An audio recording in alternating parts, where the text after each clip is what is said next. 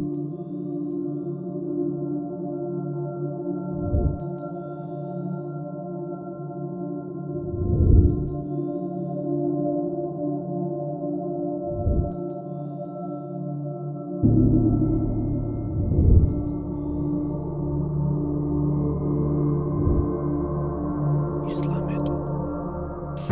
Poštovani pratitelji Islamedu platforme i našeg podcasta, Esselamu alaikum i dobrodošli u još jednu našu epizodu. Danas je sa nama novinarka i autorica Ajša Hafizović Hadžimešić. Draga Ajša, Esselamu alaikum i dobro nam došla i hvala ti što se odazvala na naš poziv. Alaikum selam. Hvala vama što ste mi učinili čast da budem dio programa vaše platforme zaista mi je čast i zadovoljstvo.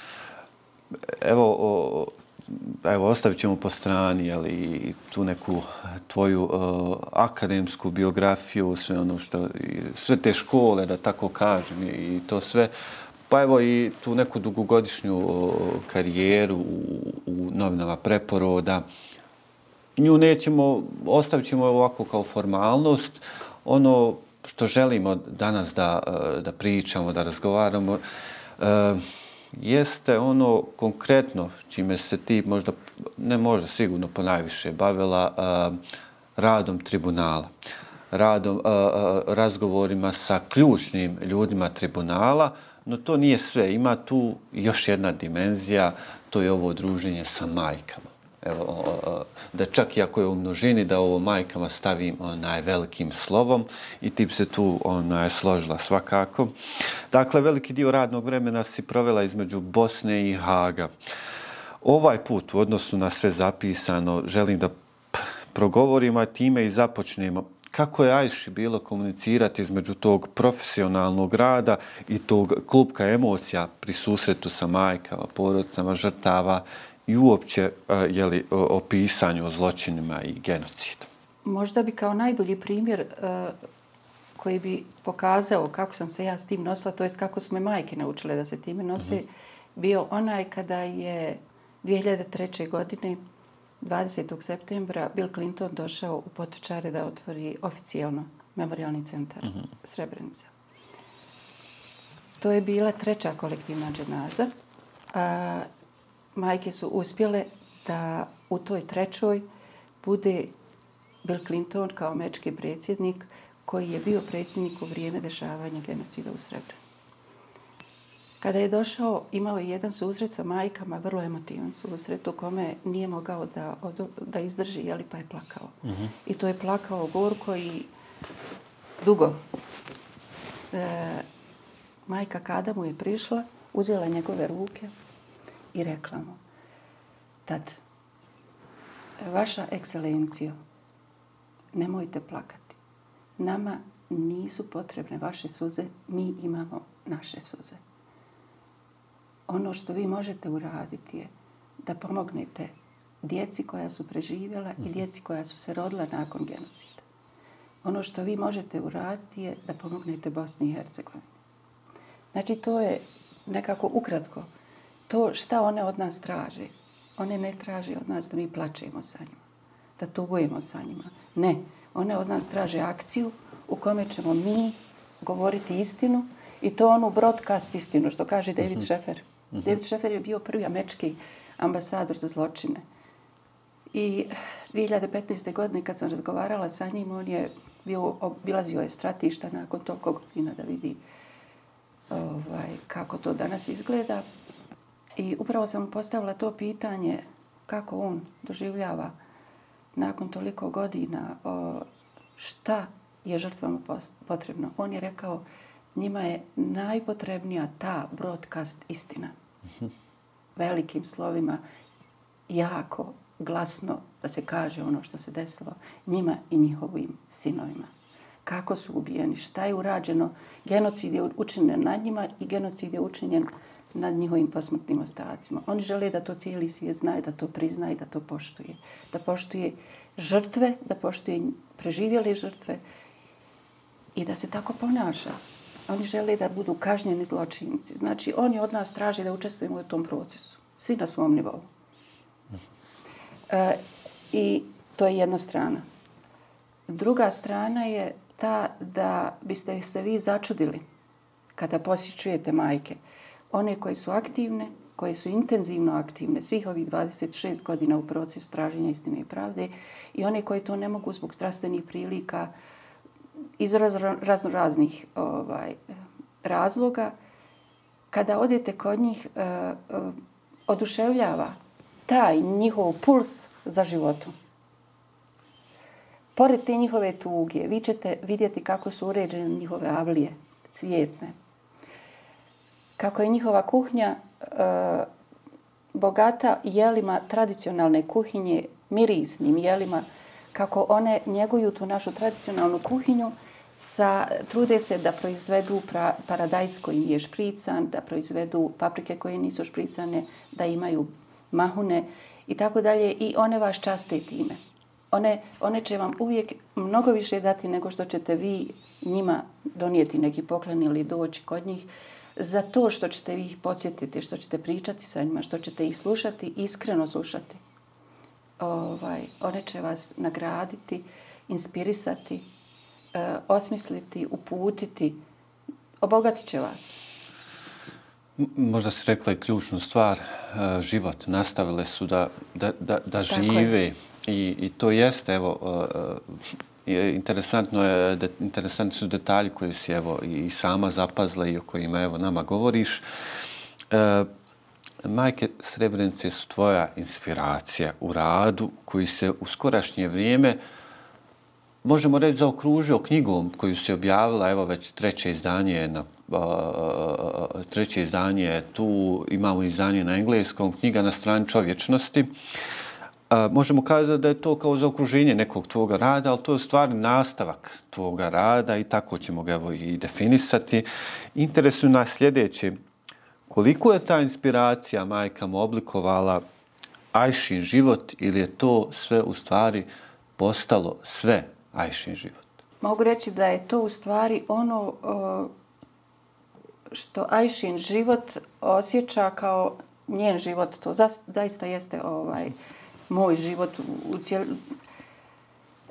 To su znači ti moralni principi, to su te vrijednosti, to, to, su, to je ta ukupnost životnog smisla koji je sadržaj u onome, u borbi koji su majke vodile i koji vode, kao i u mhm. borbi koji su vodili uh, ljudi koje sam uh, obuhvatila ovom knjigom na strani čovječnosti. Dakle, ja sam privilegovana blizinom majki uh mhm. -huh. o, svih ovih godina u praćenju procesa pred Haškim tribunalom. Mislim da je to jedna velika moja privilegija.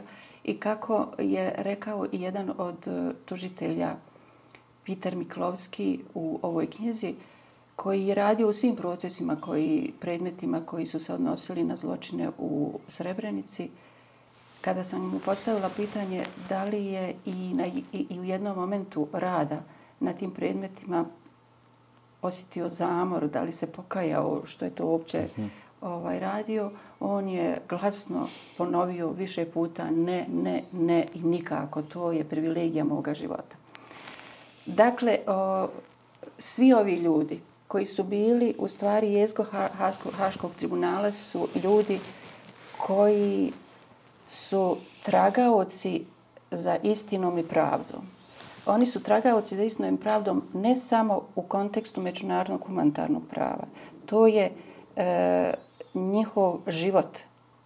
E, ja sam pratila onako kako sam imala, kažem, na priliku da sa njima komuniciram i privatno. Ja sam vidjela da su i oni u privatnom životu takvi. Njihov profesionalni život, njihov privatni život se ne razlikuje mnogo. I imali su porodice koji su ih podržavale. E, ti ljudi poput Marka Harmona, Petera Maklovskog, Alina Tigera, e, Jean René Rueza i tako dalje, oni su ljudi koji su e, radeći na predmetima vezanim za zločine počinjene tokom agresije na Bosnu i Hercegovini morali da rade tako reći 18 sati na dan, mm -hmm. intenzivno. Pa nekad, kako oni kažu, i 24 sata na dan.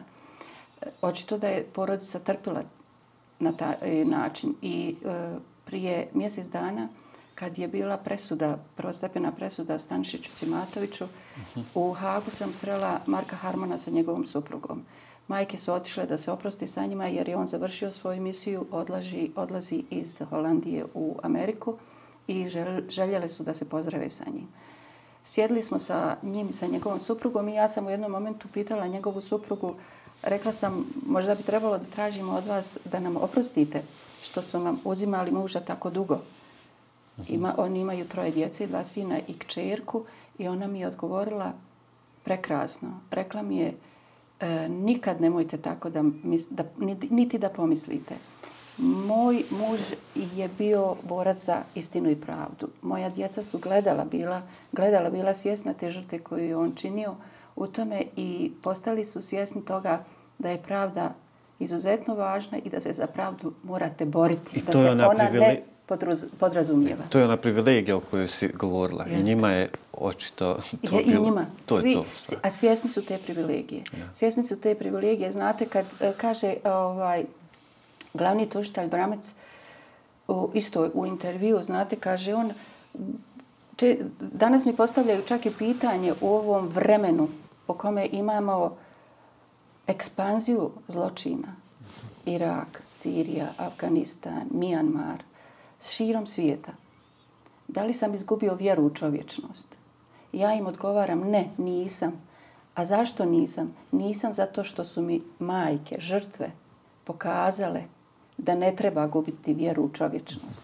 Da se za nju vrijedi boriti, da, je, da se za nju moramo svi boriti. Kao što kaže Jean-René Ruiz, ne da nam je, on kaže, ne da imamo pravo da se borimo na tom putu, nego nam je dužnost svima da se to borimo u svom kapacitetu kojim imamo, a svi imamo taj kapacitet, ili kako uh, Carmel Agius, mm -hmm. predsjednik međunarodnog rezidualnog mehanizma za krivične sudove i posljednji predsjednik Međunarodnog krivičnog suda za bivšu Jugoslaviju, kako on kaže, e, pravda od svi u nas danas traži da se angažiramo, da -hmm. revizionisti, oni koji poriču činjence istinu, ne pobijede, to je da ih učinimo nemoćnim. A kako ćemo ih učiniti nemoćnim? Na taj način što ćemo činjence neprestano iznositi na razne načine ili na način i kulturom i obrazovanjem i, i ovim što vi radite, na primjer, ili onim kako je Jasmila Žbanić radila sa filmom Kuvo Vadi Saida. Da upravo to. E, razgovori sa ključnim ljudima tribunala donose, evo vidimo, taj jedan specifičan uvid e, e, u pogled istine o agresiji i genocidu. Dakle, postoji fakti, postoji ono jeli, što vidimo, onda nam o tome govori ljudi koji su direktno uključeni, što je i tekako važan segment. Evo, voljeli bismo da sa nama ovdje na ovom mjestu, u našem podcastu, podijeliš Evo nekoliko ključnih poruka, neki se već rekla, vezani za memorializaciju zločina i genocida, a uočavamo ih čitajući upravo uh, uh, kroz razgovore sa, sa tim ljudima s kojima si ti vodila razgovor. Dakle, jedan od načina kako ćemo revizionistima mm -hmm. je začepiti u, u, ovaj, usta i učiniti ih nemoćnim je i taj da jačamo, podsjećamo mm -hmm. na ono što se desilo činjenica je da mi danas imamo u Srebrenici memorialni centar Srebrenica na, kao najjači, uh mhm. -huh. najjači u tom uh, kontekstu i on jača neprestano, neprestano radi, o, inovira načine ovaj, te memorializacije, ali je također činjenica da i u jednoj foči nemamo obilježje, da u Višegradu i tako dalje, mhm. -huh. ostalim mjestima nemamo. Iako je zakon uh, o memorializaciji u Bosni i Hercegovini donesen još 2005. godine zakonom o nestalim osobama. Ovaj, to je prvi zakon koji je ikad donijet na, ovaj, u svijetu. -hmm. e, međutim, e, vi znate zbog komplikacije, komplikovanosti našeg e, sistema, to nažalost još uvijek nije potpuno sprovodivo, ne, ne potpuno nego u vrlo malim ovaj, obimu je sprovodivo. Ono što vi možemo raditi i trebamo da radimo je da stavljamo ta obilježja, bez obzira na to što nam, ako nam, mi moramo podnositi zahtjeve o, u općinama, u urbanizmu, ocijeku za urbanizam, jeli, gdje se podnose ti zahtjevi za obilježja, ako nam oni to ne odobravaju, nemaju pravo da nam odobravaju, imamo mhm. sve argumente za to, mi trebamo da makar improvizovana obilježja postavljamo i obilazimo ih dok ne dobijemo ona prava. U nekim slučajima se to i radi. Ono ovdje što, što bih htjela da istaknem, znači islamska zajednica je tokom svih ovih godina najjača i najkonzistentnija, najupornija u tom obilježavanju. E, zašto islamska zajednica? Zašto što je ona nosila cijeli e, tih aktivnosti tokom svih ovih godina, jer mi još uvijek nikad nemamo na državnom mhm. nivou postignut e, tu, tu memorializaciju, ono čemu treba da težimo. Kolektivne dženaze kao dženaze padaju u kompetenciju islamske zajednice, ona to koristi i za memorializaciju i ona je najveći, najveća podrška u stvari žrtvama svih ovih godina. Upravo to, dakle, e, možemo govoriti o toj infrastrukturi sjećanja koju smo e, e, evo, izgradili. Možemo, evo, spomenula se da je u slučaju Memorialnog centra Srebrenice da je to mnogo snažnije. Govorimo o aktivnostima, različite organizacija, pa evo i, i islamske e, e, e, e zajednice. S tim, evo, e, da bi se vratio malo e, na knjigu, dakle, vezano upravo za, za te razgovore sa, sa ključnim ljudima, e, gdje oni vide uspjeh u toj memorializaciji? Uh, kako da kažem, sve to možemo saznati iz, iz, iz razgovora, a u stvari sama knjiga i sami njihovi razgovori su neka vrsta memorializacije. Tako je, tako je. Memorializacija su presude Haškog tribunala. Da. Mi moramo da se vraćamo na njih, vjerujte, one su najjače u tom kontekstu i nešto što je neporecivo o, kako kaže o Karmelađiju sudija, jeli, one su dostupne svima. Izvolite, ako možete, porecite. Ili kako kaže ovaj, Jean René Ruiz, koji je bio svjedok u svim uh, predmetima za genocid, kaže, uh, vi znate da imate svjedoka koji ispituje tužlaštvo i, i tog istog svjedoka ispituje odbrana. I pitala sam ga na koji način je odgovarao na pitanje odbrane. Pa, e, kaže, odbrana ima to isto vrijeme kao i tužilaštvo, pa čak i nekad više vremena i da bi ti advokati pokazali jeli, da su oni sposobni da to rade, da bi sebe ovaj, dokazali, oni su koristili cijelo vrijeme, nisu htjeli da se odriču tog vremena. Međutim, to zbog toga su, kaže, ukopavali sami sebe. Zašto su ukopavali sami sebe? Jer su postavljali mi više pitanja. Što su mi postavljali više pitanja, otvarale su prostor da ja više govorim o tim strašnim zločinima, ono što čak i to žlaštvo me nije pitalo. I tako da su sami sebe ukopavali. Znači, bilo je neporecivo koliko god se oni trudili, koliko god imali vremena da poreknu ono zašto ih je tužilaštvo krivilo, ta odbrana je to vrijeme u stvari, koristeći to vrijeme, sebe ukopavala, jer je otvarala sve više i više prostora za još veće okrivljavanje. Ono, e, mi, nažalost, ne koristimo e, arhivu Haškog tribunala mediji. Mediji su oni koji bi trebali uh mhm. -huh. da koriste mnogo više ovaj, kada govori o Haškom tribunalu, da koriste arhivu Haškog tribunala, ako već ne, ne koriste, ako već ne uzimaju za sagovornike ljudi koji aktivno rade svih ovih godina za Međunarodni krivični sud, koji su radi za Međunarodni krivični sud za bivšu Jugoslaviju, sad danas u mehanizmu, ako već ne koriste njih kao sogovornike, onda neka koriste uh, arhivu Haškog tribunala. Žalosno je da danas koriste ljude koji nisu kompetentni za, za to. Koriste neke historičare, uh, neke nepoznate, čak nepoznate u široj međunarodnoj javnosti, oni prave od nekih ljudi ovdje kao da su oni neki eksperti, ti ljudi, tu ljudi koji uglavnom ovaj, za naše medije daju izjave vizane za Haški tribunal, kritikujući ga prije svega, mm -hmm. nisu eksperti sigurno međunarodnog krivičnog i humanitarnog prava, oni su historičari uglavnom. Mm -hmm. E, historičari na nekim univerzitetima, mogu ti biti univerziteti poznati ili nepoznati, ali znači nisu eksperti Haškog tribunala me boriti. Na koji način? Evo vi se borite i ovom platformom. E, medijski prije svega i obrazovanje. Znači, obrazovanje, kako kaže Seč Bramec, presude moraju doći u učbenike.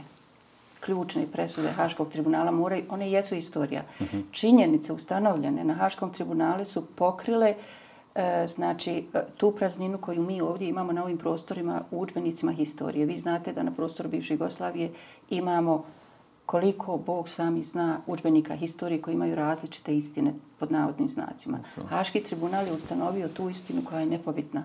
Ona je činjen, činjenice su ustanovljene. Te činjenice moraju ući u učbenike i ući će kad tad. Prije ovaj, razgovora, prije početka ovog našeg razgovora, e, govorila sam vam o tome da je u protekla dva mjeseca u stvari da mehanizam protekle dvije godine uh mhm. -huh. radi na jednom programu obrazovanja profesora historije sa prostora bivše Jugoslavije i sa Srbije, iz Srbije, iz Hrvatske, iz Bosne i Hercegovine i e, to ne radi samo sa profesorima istorije, radi i sa studentima, radi sa učenicima i radi sa medijima. U protekla dva mjeseca, e, tokom mjeseca jula i tokom mjeseca augusta, radili su radionce i seminara sa, sa nastavnicima i profesorima e, iz Srbije. Radili su i sa studentima iz Srbije. Kao neki uvod u novu školsku godinu. Tema tih, e, tih radionica i tih seminara su bili na koji način uključiti činjenice ustanovljene u Haškom tribunalu u učbenike historije mi znamo da su ključne da se one uključe jeli, u Srbiju, pa i u Hrvatsku.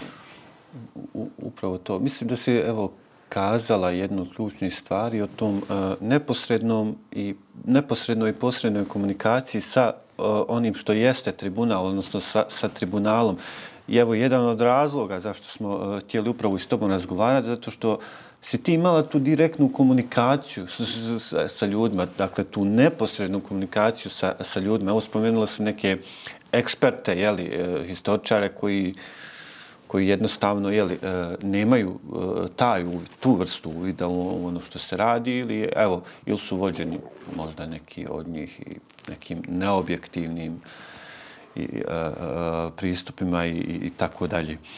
Uh, ono što jeste tačno i evo i ono što znam iz naših ranijih razgovora, mnogo je tu priča koje bismo i, e, dali otvoriti, jeli, i, i kada su u pitanju, kada je u pitanju tribuna, ali kada je u pitanju susret sa, sa majkama e, Srebrenice, e, ono što mene zanima danas i naše pratitelje, e, vjera kao e, lijek, kao mehlem jeli, na, na ranama. E, jasno je, svi je, mi živimo drugačije, ona je, e, vjera je naša intima, ali evo ono po čemu si ti svjedočila kada je u pitanju taj susret sa majkama. Želim da, da time i završimo, da zaokružimo naš razgovor. Dakle, e, ono čemu si svjedočila u susretu sa majkama, porodicama, žrtava, e, možeš li dijelimično evo, pokušati prenijeti svoj dojam tog njihovog hoda između vjere u apsolutnu Božju pravdu i evo težnje da se zadovolji ova dunjalučka pravda koja nam je, evo, vidimo iz svih razgovora, te kako važna, mislim, neupitno važna. One su, znači, inspiracija i u tom kontekstu vjere. Mm. Uh, one su nevjerovatna snaga iz koja iz njih izvire i nevjerovatna mudrost i nevjerovatna upornost sve je to njima vjera njihova dala.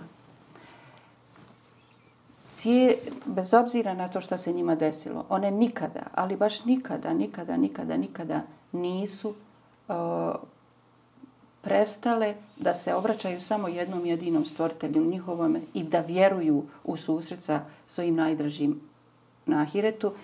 I vjerujte, uvijek kažu, ako nema ovdje pravde, ona je sigurno zagarantovana nama u vječnosti što im ne oduzima snagu da se za nju bore ovdje. Zašto? Zato što mhm. ih istvoritelj na to obavezuje.